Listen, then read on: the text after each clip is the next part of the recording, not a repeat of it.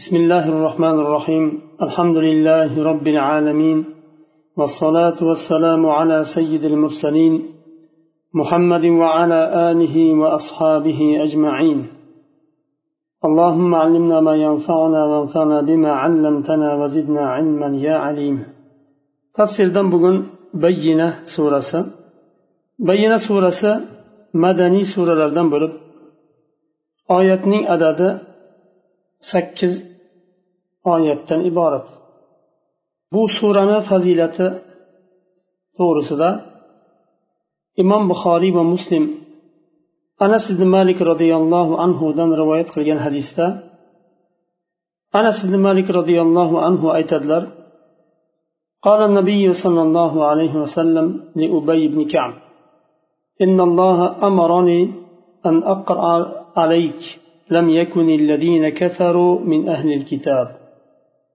قال وسماني قال نعم قال فبكى.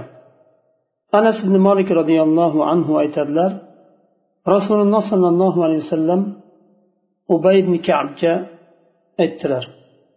الله تعالى لم يكن الذين كفروا من أهل الكتاب سورة سنة sizga o'qishimni buyurdi ubayd kab roziyallohu anhu so'raydilar meni otimni aytib aytdimi ismlab aytdimi meni deganlarida rasululloh alayhi aytadilar ha ubayd kab roziyallohu anhu yig'laydilar bismillahi rohmanir rohim لم يكن الذين كفروا من أهل الكتاب والمشركين منفكين حتى تأتيهم البينة رسول من الله يتلو صحف صحفا مطهرة فيها كتب قيمة.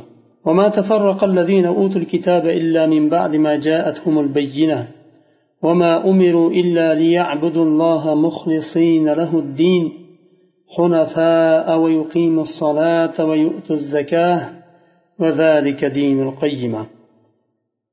أهل كتاب لردن ومشرك لردن إبارة بغن كافر لر to bu hujjat qur'on kelmagunicha ular kufrdan ajrashmadi. Kufrda o'zlarining kufrida davom etdi.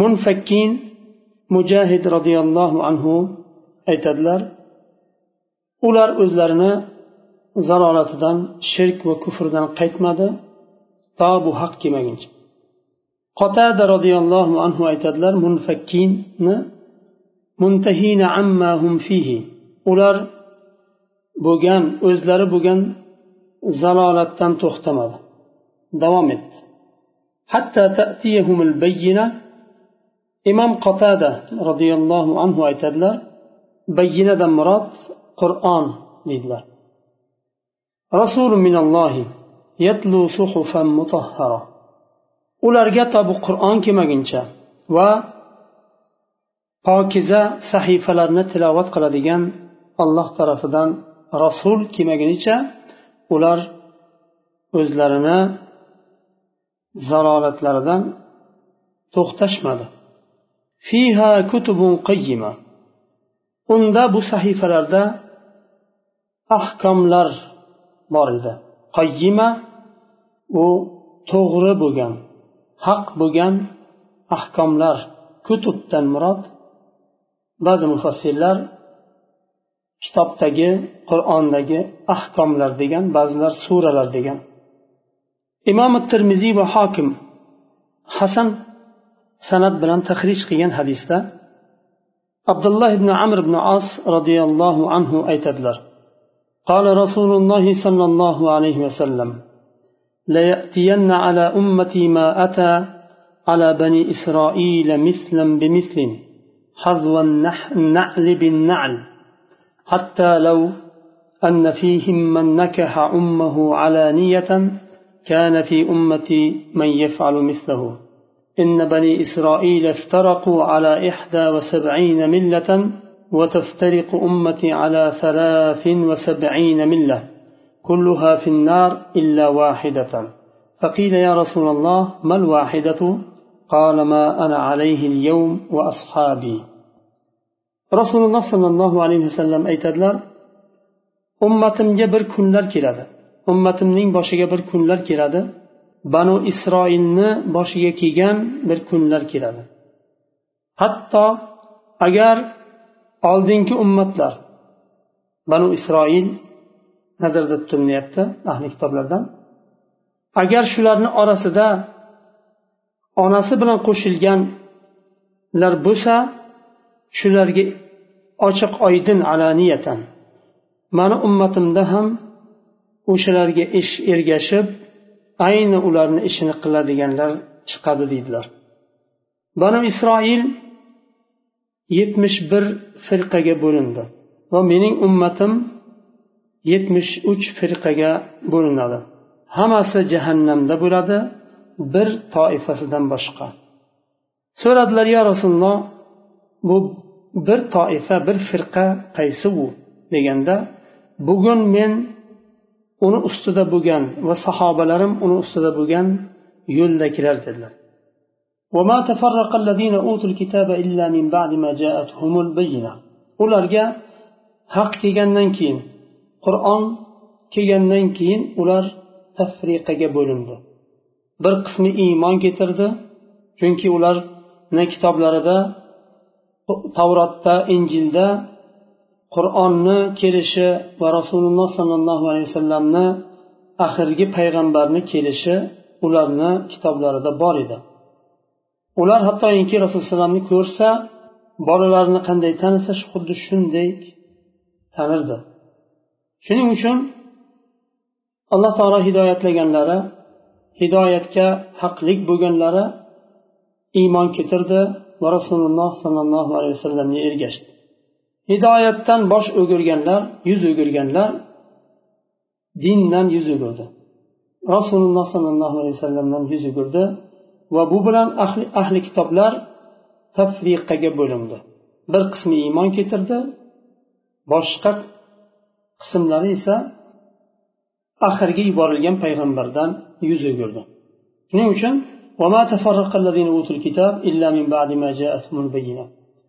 qur'on kelgandan keyingina ular tafriqaga bo'lindi bir qismi haqqa o'tdi iymon keltirdi boshqa qismi bu dinga kofir bo'ldi yuz o'girdi وما أمروا إلا ليعبدوا الله مخلصين له الدين حنفاء ular dinni allohga xolis qilgan hollarida allohga ibodat qilishga buyurilgan edi. Agar dinni allohga xolis qilgan hollarida allohga ibodat qilsalar edi payg'ambar qaysi qavmdan chiqishligi ularni qiziqtirmasdi. Qayerdan chiqishligi ularni qiziqtirmasdi. Allohga xolis ibodat qiladigan bo'lsa olloh yuborgan dinni kimga yuborgan bo'lsa qaysi qavmdan tanlagan bo'lsa allohni ishi u ergashishlik ibodat qilishlik kerak edi. Hunafa haq yo'lda bo'lgan hollarida. Yana ular buyurilgan edi namozni qoyim qilishga va zakotni berishga buyurilgan edi. Mana bu to'g'ri haq yo'ldagi din bu dinni allohga xolis qilgan holda ibodat qilish namozni qoyim qilish va zakotni berish bu haqiqiy to'g'ri yo'ldagi din bu إن الذين كفروا من أهل الكتاب والمشركين في نار جهنم خالدين فيها أولئك هم شر البرية أهل كتاب لردن ومشرك لردن إبارة بغن كافر لر jahannamda abadiy qolgan hollarida jahannamda bo'ladilar ular xalqlarning eng yomonidir deyapti alloh taolo إن الذين آمنوا وعملوا الصالحات أولئك هم خير البرية إيمان كترجلر وعمل صالح قلجلر ular xalqlarning eng yaxshisidir yaxshilaridir جزاؤهم عند ربهم جنات عدن تجري من تحتها الأنهار خالدين فيها أبدا ularni mukofotlari iymon keltirib amali solih qilganlari uchun ularning mukofotlari robbilarining huzurida adin jannatlari ostlaridan daryolar anhorlar oqadigan adin jannatlaridir deyapti alloh taolo. Xolidina fiha abada. Va ular u jannatda jannatlarda abadiy qoladilar. Roziyallohu anhum va radu anhu. Alloh taolo ulardan rozi bo'ldi chunki ularni qilgan amallari uchun allohga va rasuliga bo'lgan itoatlari uchun iymonlari uchun va qilgan yaxshi amallari uchun alloh taolo ulardan rozi bo'ldi. Ular ham allohdan rozi bo'ldi. Alloh taolo bu qilgan bu dunyoda qilgan yaxshi amallari allohga va rasuliga bo'lgan toatlarini evaziga jannatda berilgan ne'matlar bilan ular rozi bo'lishdi.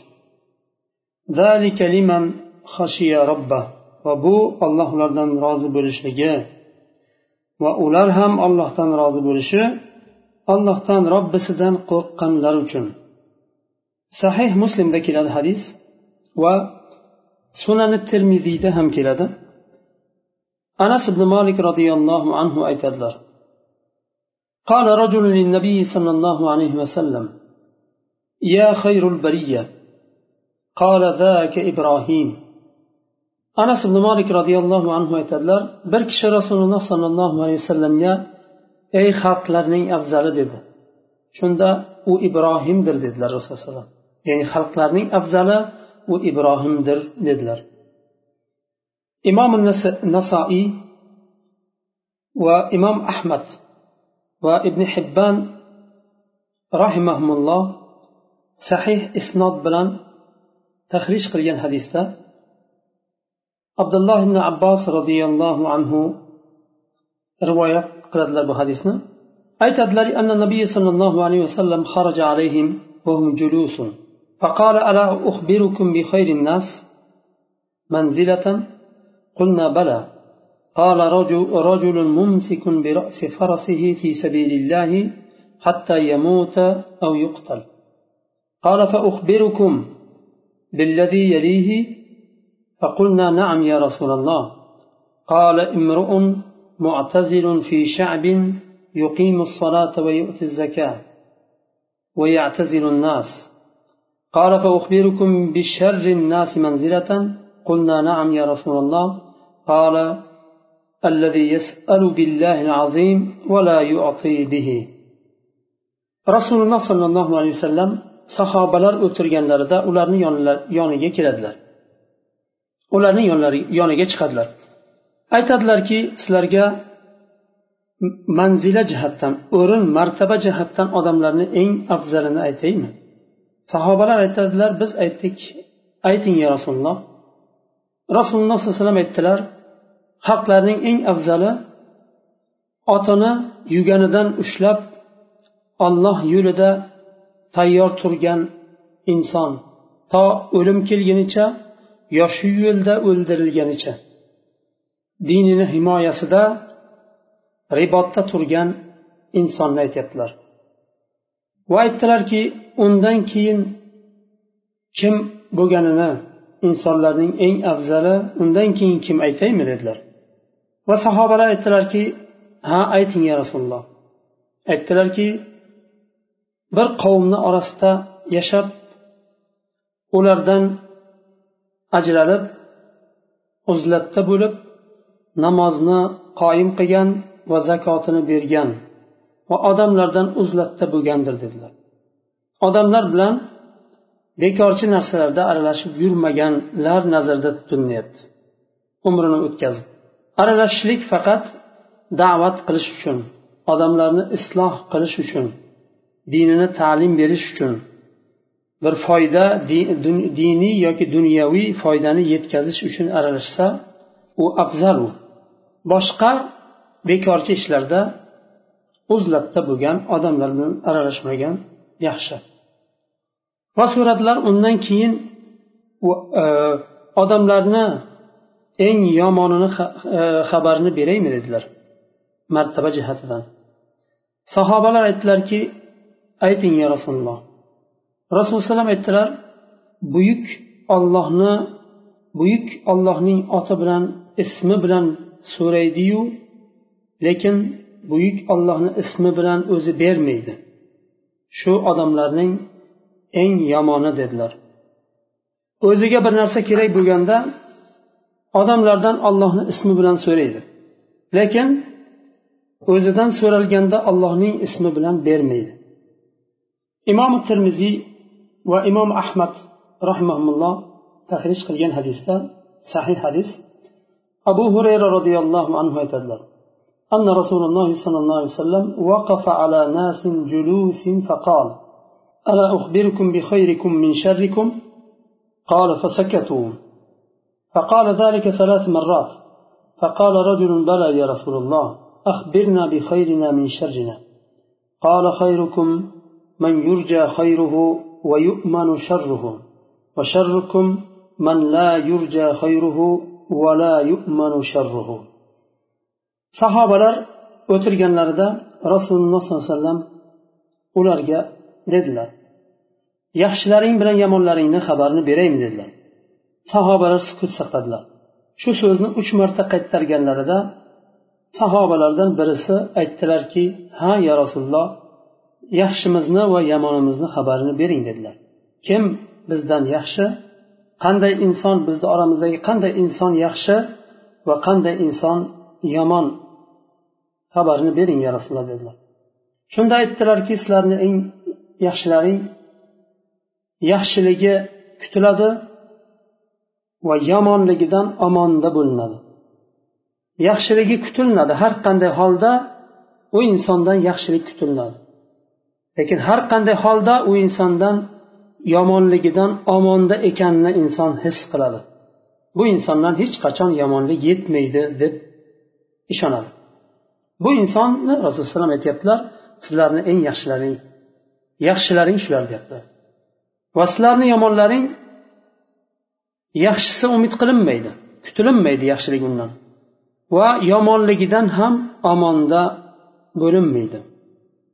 Har qanday vaqtda har qanday holda yomonligi yetishi ehtimoli bor. Alloh taolo bu oyatlardan hadislardan foyda olishni nasib qilsin.